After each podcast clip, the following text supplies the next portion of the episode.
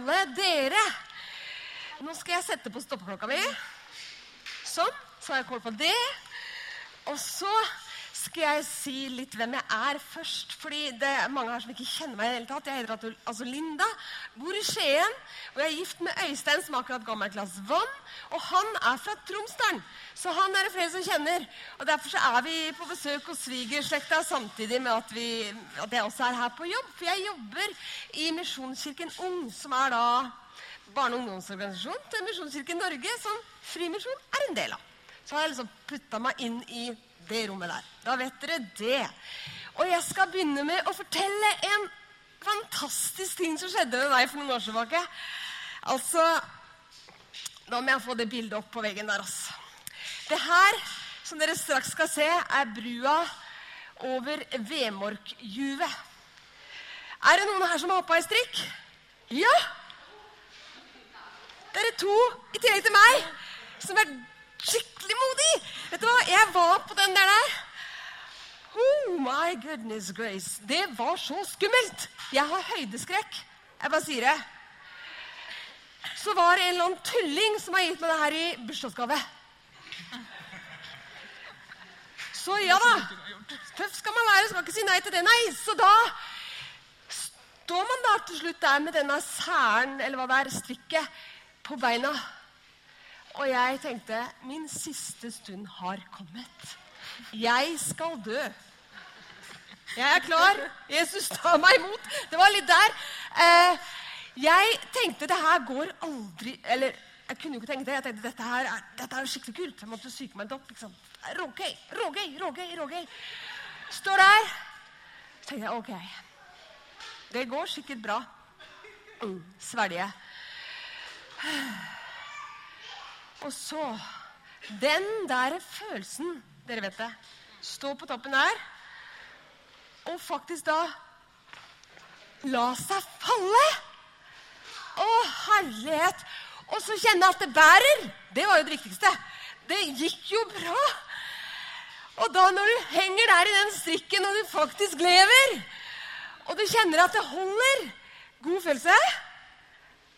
Var jeg modig? Gi meg en klapp, da! Yes! Eneste er at eh, det er en liten sånn detalj til den fortellingen der, da. Det var Øystein som hoppa. Jeg hadde aldri gjort det. Never in my life. Det var Øystein som hoppa. Jeg har ikke fått i gave. Han hadde heller ikke fått i gave. Han gjorde det av egen fri vilje. Han var gæren nok til å la seg falle. Men den følelsen der, da Jeg har jo snakka med noen om det, og jeg har snakka med andre om å gjøre sånne ting. Jeg skjønner at det er en helt rå opplevelse. Og jeg skjønner at den der følelsen av at det faktisk da bærer, den er jo helt wow sånn. Ikke sant? Eh, det å stå på trappa av et nytt skoleår, begynne på en ny skole, og være en helt ny klasse, masse nye venner, nytt ekteskap, hallo, eller yes, ny mann, da, ny kone Det å stå i starten av noe nytt, ny jobb Altså Det er mange sånne nye Nytt semester bare i seg sjøl. Et nytt semester. Det er noe med å være i det her nye. Det er nesten som å stå på det her brua og Ok, det får briste eller være. Håper det bærer eh, den følelsen der, å kjenne at det faktisk går bra Selv om kanskje det er noe jeg gruer til, at det faktisk går bra. At jeg kan bli gledelig overraska. Nå er vi i kirka. Konfirmanten er her. Foreldre til konfirmanter er her. Jeg aner ingenting om hva dere tror, ikke tror. Og det er egentlig helt greit. Du vet sjøl hvor du står hen. Men det her med å tro, da tenker jeg er nesten som å hoppe i strikk. For åssen skal jeg vite at det der holder, da? Åssen skal jeg vite at hvis jeg kaster meg utpå dette her Ja. Om den strikken da Øystein hoppa den gangen, var eller ikke, hadde ingenting med om han var redd eller ikke å gjøre. Det det hadde å gjøre med, var om den strikken var festa godt. Og sånn er det med vår tro. Troa vår den er avhengig av at den er festa godt. Og den er avhengig av hva den er festa i. Og det skal jeg snakke litt om i dag. For saken er at det som det står om i den boka her, det er ikke sant for det det står i den boka her. Men det står i den boka fordi det er sant. Det er liksom en sånn Greit å få den rekkefølgen riktig. Det er ikke noen som har funnet opp en fin historie, og så tror jeg wow, den var sann, gitt. Nei, det er skrevet av øyenvitner Nå snakker jeg om det som står i Det nye testamentet rundt Jesus. Det som skjedde med han. Det er skrevet av øyenvitner som så det med sine egne øyne. De tok på det, som dere gjorde her, med sine egne hender. De klemte Jesus ga han en klem, spiste med ham. De som var der da det skjedde, skreiv det vi leser i Nye testamentet. Så det vi tror på, er faktisk en øyenvitneskildring. Og det tenker jeg er en vesentlig forskjell, og det er derfor det står i Bibelen. Ikke fordi noen fant på noe jeg tilfeldigvis tror det er sant, men det er sånn bom, den andre veien rundt. Og en av de fortellingene i den boka er en av de mest spennende fortellingene, syns jeg. Eller en av de spennende bøkene, da. For greia er at i Bibelen så er det mange bøker samla. Og i Det nye testamentet, som er, dere konfirmanter kommer til å lære mye om det her, regner med, den nyeste delen da. Nye testamentet, der er det bl.a. den nummer fem-boka. De fire første er om da Jesus gikk på jorda. Femte boka apostelens gjerninger. Det er den fortellingen om de første kristne. Og på mange måter så hadde de akkurat som oss. For de hadde heller ikke sett Jesus fysisk, mange av de første kristne. Noen av de hadde det, men de som ble kristne etter at Jesus dro til himmelen, hadde ikke sett ham med sine egne øyne. De hadde bare fått det fortalt. Og så blir de overbevist om at wow, det er jo sant! Han lever jo. For det er greia. Det er det hele vår tro er festa i. Det er det strikken vår er i. Er hvorvidt Jesus sto opp fra de døde eller ikke. Hvis han ikke sto opp fra de døde, kan jeg bare pakke sammen og glemme det. For det, det jo, da, er, da skriver Paulus at da er vi den ynkeligste av alle mennesker. Men hvis det er sant at han sto opp fra de døde, hvis det er sant at han knuste døden og kom ut på andre sida, da bekrefter han jo at det er Guds sønn, den levende. Og det er han vi som tror på Jesus, tror på. Og da, da fikk jeg ut av det her, og da apostelens gjerninger De som ble kristne etter at Jesus sto opp, de ble overbevist om det. Og så er det fortellingene om de første kristne som er i apostelens gjerninger. Og en av de fortellingene skal vi gå inn i nå. Og den begynner i en by som heter Jaffa. Neste gang du ser en appelsin, så vil jeg at du skal tenke på Jaffa. Kan alle si Jaffa? Én, to, tre. Jaffa. Ja da! Jaffa! Dere er flinke. Men hvordan smaker en appelsin, da? Noen som vet det? Jaffa. Ja.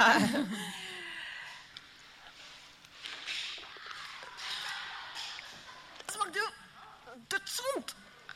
Vann. Du vet ikke hva den smaker før du har skrella den. Hvis du ikke skreller den, ikke gjør det hjemme. Ikke noe godt. Sånn er det med det her vi snakker om i dag òg. Det å bare ta liksom, det, du liksom, det du tror det med Jesus er Du må pakke opp, ovne og teste ut for din egen del. Da vet du åssen det smaker. Og byen Jaffa den er kjent for å ha det masse appelsiner. Og i dag så er det en ganske levende, moderne by. Tel Aviv er i nærheten der. Jeg tror jeg har bilde av den moderne byen også, hvis ikke det er helt feil. Se her. Den byen der skal vi inn i nå. For den var faktisk også den gangen den historien her ble laget, skrevet da, da det her skjedde. Eh, det er en by som også den gang sikkert hadde appelsiner, men det er ikke de vi skal snakke om egentlig. Peter han var en av de som hadde vært nær Jesus og var en av Jesu disipler. Han hadde sett Jesus gjøre mange mirakler, og faktisk så gjorde han mange mirakler i Jesu navn selv nå etter at Jesus var reist opp til himmelen og Den hellige ånd levde i Peter. Og gjennom han så skjedde det mange undre. Det står faktisk at det bare skyggen på Peter kunne falle på mennesker. Så blei de friske. Det er jo helt wow!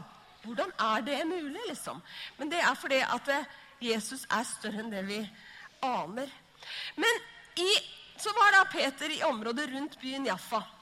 Og i Jaffa så bodde det en dame. I, der, ja. Peter var i Lodd, og så bodde det en dame i byen Jaffa. Og så blei hun dama syk. Og nå skal jeg få besøk av Hedda.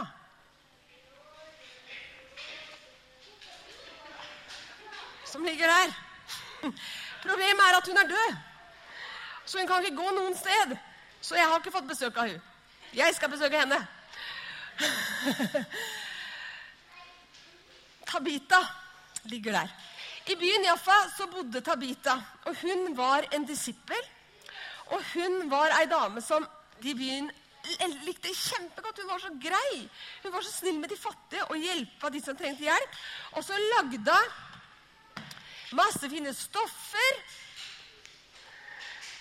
som hun brukte selv, og som hun ga bort. Og nå skal jeg lese litt om hva som står om denne fortellingen. og Vi er litt, allerede litt i gang her. sånn, Så står det da at Peter som var i nærheten, han var i byen Lodd da. Og så hører disse disiplene rundt Tabita at Peter er i nærheten. Han helbreder syke. Vi må få Peter hit, sånn at han kan helbrede henne. Så de sendte to menn av sted for å be Peter komme med en eneste gang. Og Peter gjorde seg klar og blei med det, leser vi. Og når han kommer dit, da, til Tabita, så viser det at hun er ikke bare syk, som han kanskje først trodde, men hun er faktisk død.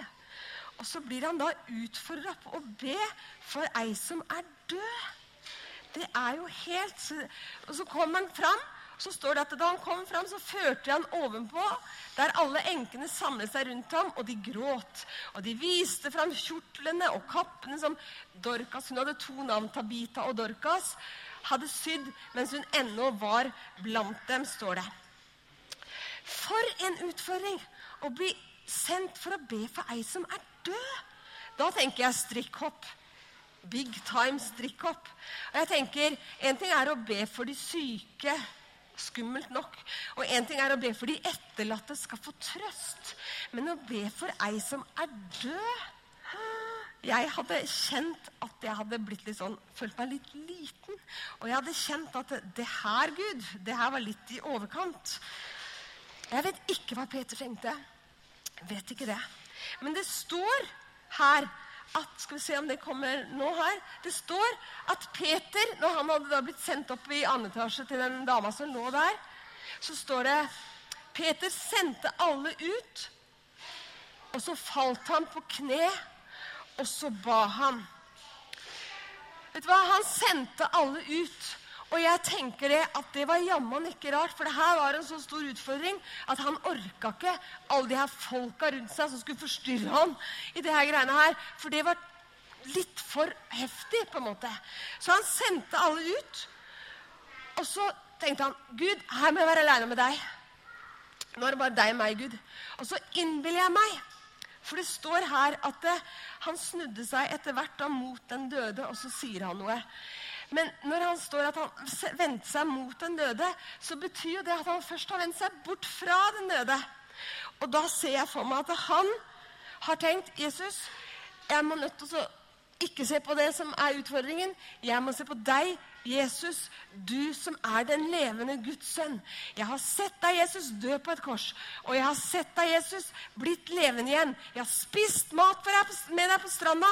Jeg har tatt på de såra dine etter det der korsfestelsen. Jeg vet, Jesus, at du er sterkere enn døden. Jeg er nødt til å se på deg først. Og så, når han da har latt seg peppe opp av Jesus, så er han klar til å venne seg til den døde. Og så sier han, 'Tabita, stå opp.' Og så skjedde det at hun reiste seg opp. Og han tok henne med til de andre. 'Hallo, hva hadde dere sagt hvis det var dere som var i det rommet?' Jeg hadde blitt Er det mulig? Hun lever jo! Hadde jeg blitt? Hadde dere blitt det, eller? Hva hadde dere sagt? Lat som dere er i det rommet nå, så kommer jeg ned med Tabita. Jeg er Peter. Hun lever! Hun er tilbake! Takk Gud! Hun er tilbake! Det er helt sjukt. Åssen var det å være der, da? Det hadde jeg spurt om. Åssen var det å være der, da? Åssen er det å komme tilbake? Jeg kan ikke svare, du var ikke der. Så takk skal du ha. Poenget mitt med å fortelle denne fortellingen Det ene er at Gud er mye større enn det vi fatter. Jeg skjønner ikke hvordan det var mulig. Annet enn at jeg tror at det er sant at Jesus blei levende igjen, og han har makt over døden. Derfor så tror jeg at det har skjedd. Og de øyenvitnene som fortalte det, de så det jo. Og de skrev det ned. Og de som leste det, de fikk brev brevene. De kunne ha sagt vet du hva, Det stemmer jo ikke, kunne de ha sagt. For de var, altså, folk kunne bekrefte det eller avkrefte det. Så det er på en måte så mange ting som tyder på at det stemmer. Pluss at veldig mange av disiplene ga livet sitt for den sannheten at Jesus levde. De lot seg sjøl bli drept fordi de sto fast i det de trodde på. Og så tror jeg at de gjorde det for det første fordi de var overbevist om det. Og for det andre de var ikke redd for døden lenger. For de visste at Jesus er sterkere enn døden. De visste at de ville stå opp igjen på den andre sida. Jeg syns det er helt rått, egentlig. Så tenk på sånn. Så det er den ene grunnen til at jeg forteller den historien. At Gud er sterkere enn den. Han kan gjøre de ufatteligste ting skulle jeg ønske at vi så mer helbredelser, skal jeg innrømme. Jeg kjenner så mange som er syke. Jeg kjenner så mange som mister folk de er glad i, altfor tidlig. Jeg tenker, Gud, hvorfor ser vi ikke mer av det da? Jeg kan bli så fortvila nesten. Bli så sinna nesten. Og lei meg. Jeg vet ikke hvorfor. Og jeg skal spørre Gud den dagen jeg sjøl kommer hjem til ham. Hvorfor? Og så har han et helt annet bilde over saken enn det jeg har. Han ser mye, mye lenger så tror jeg ikke alltid det er en mening med alt som skjer. Virkelig ikke. Men jeg tror at han kan vende ondt til det gode. Han kan bruke det vonde til det gode. Det har vist seg gang på gang på gang. Og Der kommer vi den andre grunnen til at jeg sier det her. For jeg tenker som så at det, ja, det er ikke nødvendigvis død som er utfordringen i mitt liv til daglig. Men det kan være andre ting som jeg kjenner at Å, Gud, det er så vanskelig. Det her er for stort. Jeg trenger deg nå. Og da vender jeg meg bort fra det vanskelige og til Jesus for å la meg på en måte peppe på han til å få tro på at han er der med meg, og trygghet på at han vil dra meg gjennom det vonde. Ikke for å vende meg bort fra det vonde, for å ikke feise, liksom, men for å først peppe peppes opp av han, og så er jeg klar til å si stå opp. Stå opp. Hva det nå enn er. Dere, når man er barn, så har man gjerne mange drømmer. Er det noen her av dere ungene som har en drøm om hva dere skal bli når dere blir store? Er det noen som eh, Ja, du rekker opp handa. Du har noen drømmer om, Kanskje noen drømmer om å bli musiker? Kanskje noen som drømmer om å bli proff fotballspiller? Er det noen som drømmer om å bli eh, snekker? Ja. Er det noen som drømmer om å bli, er det noen som drømmer om å bli noe? Eh, noe? Opp i hånda hvis du drømmer om å bli noe. Yes, det er så bra. Er det noen av dere voksne som har noen drømmer? Ja. Det er veldig bra. Ikke slutt å ha drømmer, for det vil bli past 20, liksom. Vi må fortsatt ha drømmer. Ikke? Det holder oss våkne og i live. Men det er nå engang sånn da, at vi av og til er litt sånn i fare for å miste de her drømmene våre. Og så er det sånn at eh, vi sånn i begynnelsen av, begynnelsen av året, eller ja, typ sånn første nyttårsdager, så har vi sånne drømmer kalt nyttårsforsetter. Og de drømmene de går litt fort i knus. Jeg tror jeg har et bilde av det her, en sånn nyttårsforsett-dame. Eh, har jeg det? Nei, vet ikke, vet ikke, vet ikke. Nei. Oi, der var hun! Sorry. Det er ikke så lett. altså. Jeg, Stakkaren der skal følge mitt manus, og jeg er jo alle veier i det manuset. Så, men det her med å ha noen drømmer om nå skal jeg bli sprek, nå skal jeg gjøre sånn, det kan jo vare kanskje 14 dager. Men nå snakker om de drømmene. Ikke bare de små, drømmene. Så kan det hende at du føler at noen av drømmene har gått i tusen knas. Eh, og at eh, du en dag hadde noe veldig sånn, høye vyer for det du skulle gjøre, men så kom dette livet litt sånn i fleisen. Og da blei det ikke så lett å holde på den drømmen. Så kan det hende du kjenner på at mange ting i livet har gått i tusen knas. Og det er jo ingen god greie. Er det noe i ditt liv som har blitt annerledes enn det du drømte om? Er det noe som ikke helt blei sånn Kanskje helsa er det den som røyk, liksom? Kanskje den relasjonen du håpa skulle bli den beste av de alle, gikk bare rett åt skogen? Kanskje det ekteskapet ikke det, det, gikk liksom ikke. Det, det røyk. Det skjer, det. Og da kan liksom den drømmen føles ah, bare vond å tenke på. Den er død.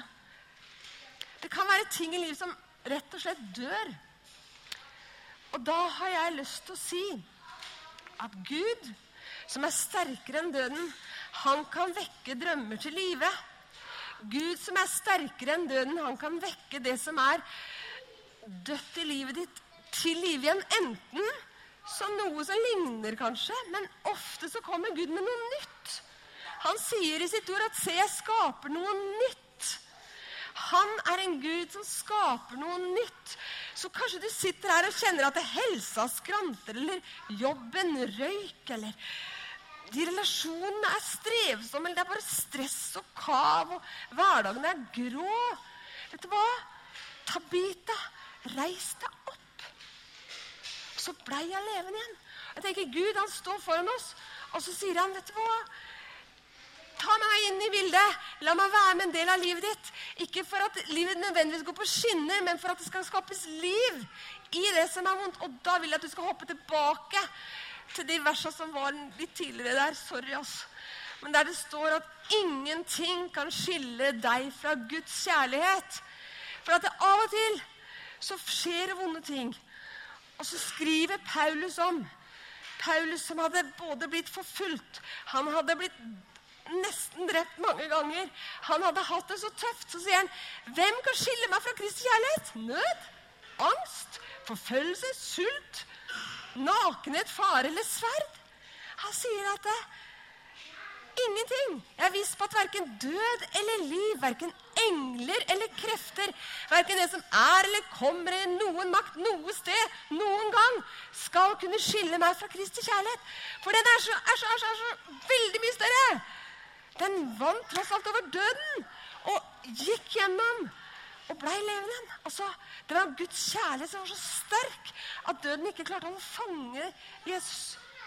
Og det er det strikken vår er festa i, som gjør at det går an å kaste seg utpå og tro at selv om ikke jeg har sett deg, Jesus, så tror jeg at du er Guds levende sønn. Og uansett hva som måtte hende i livet av vonde ting, eller gode ting for den sakens skyld Ingenting kan noen gang skille oss fra hans kjærlighet. Så når du møter de gode tinga eller de vonde tinga, så vend deg først til Jesus. Si, 'Jesus, la meg ta deg med inn i det her, hva det nå enn jeg møter.' Må du bringe liv inn i det, hva det nå enn jeg møter. Og når dere er på skolen, så kan det være noen dager som er litt Og så er det andre dager som er bare gode. Men uansett hva dere møter, så husk at i det så er Jesus med dere der. Når dere leker, når dere krangler, når dere gjør lekser, når dere ikke gidder å gjøre lekser, så sier Jesus, 'Hjelp meg!' Dere som er studenter, hjelp meg til å face denne fasen. Hjelp meg til å gå gjennom det her med deg. For han er der uansett. Ingenting noen gang kan skille deg fra Jesu kjærlighet. Det er helt fantastisk. Jeg tenker, Den strikken der holder. Mm skal vi be. Jeg har lyst til å utfordre deg. Kanskje du er her og aldri har liksom tenkt på Jesus sånn som det vi har snakka om i dag. Men hvis du tenker at 'jeg tror jo at han er Guds sønn, jeg tror han lever', så er han ikke mer enn et unna. Et pust. Han er hos deg nå. Og du kan si til han nå hvis du ønsker det. 'Jesus, jeg ønsker å tro på deg'. Jeg ønsker å si til deg nå, Gud, at jeg tror på deg. Jeg tror at Jesus er Guds sønn. Det kan du si nå til Gud så er han der. Så favner han deg med sin kjærlighet. Om du har gjort det hundre ganger før, kan du gjøre det samme. Uansett hva ditt, din situasjon er. Jesus, jeg takker deg for at du tar oss imot. Jeg takker deg, gode Gud, for at din strikk holder. Takk for at vi er festa i deg. Du, Guds levende sønn. Jeg takker deg, Jesus, for at den historiske hendelsen kan ingen gjøre noe med. Det har skjedd, og du lever ennå. Jeg synes jeg takker deg for at du er her. Og jeg ber om at alle vi som er her, skal få lov til å ha deg i våre liv. I de hverdagene vi har, enten vi er på skolen for første gang, eller vi er ferdig med skolen for årevis siden, så er du med oss i de hverdagene vi har. Og det takker jeg deg for. Jeg takker deg for Uansett hva vi møter, så vil ikke det skille oss fra deg. Og jeg ber om at vi uansett hva vi møter av gode eller vanskelige ting, at vi alltid skal vende oss til deg, sånn som Peter gjorde den gangen. Og ta deg med inn i det vi møter, Jesus. Hjelp oss til det. Minn oss på det. Og hjelp oss til å ja, holde, holde fast deg. Så takker jeg for at du holder fast i oss. Og du holder bedre enn det jeg holder. Takk for det, gode Gud. Amen.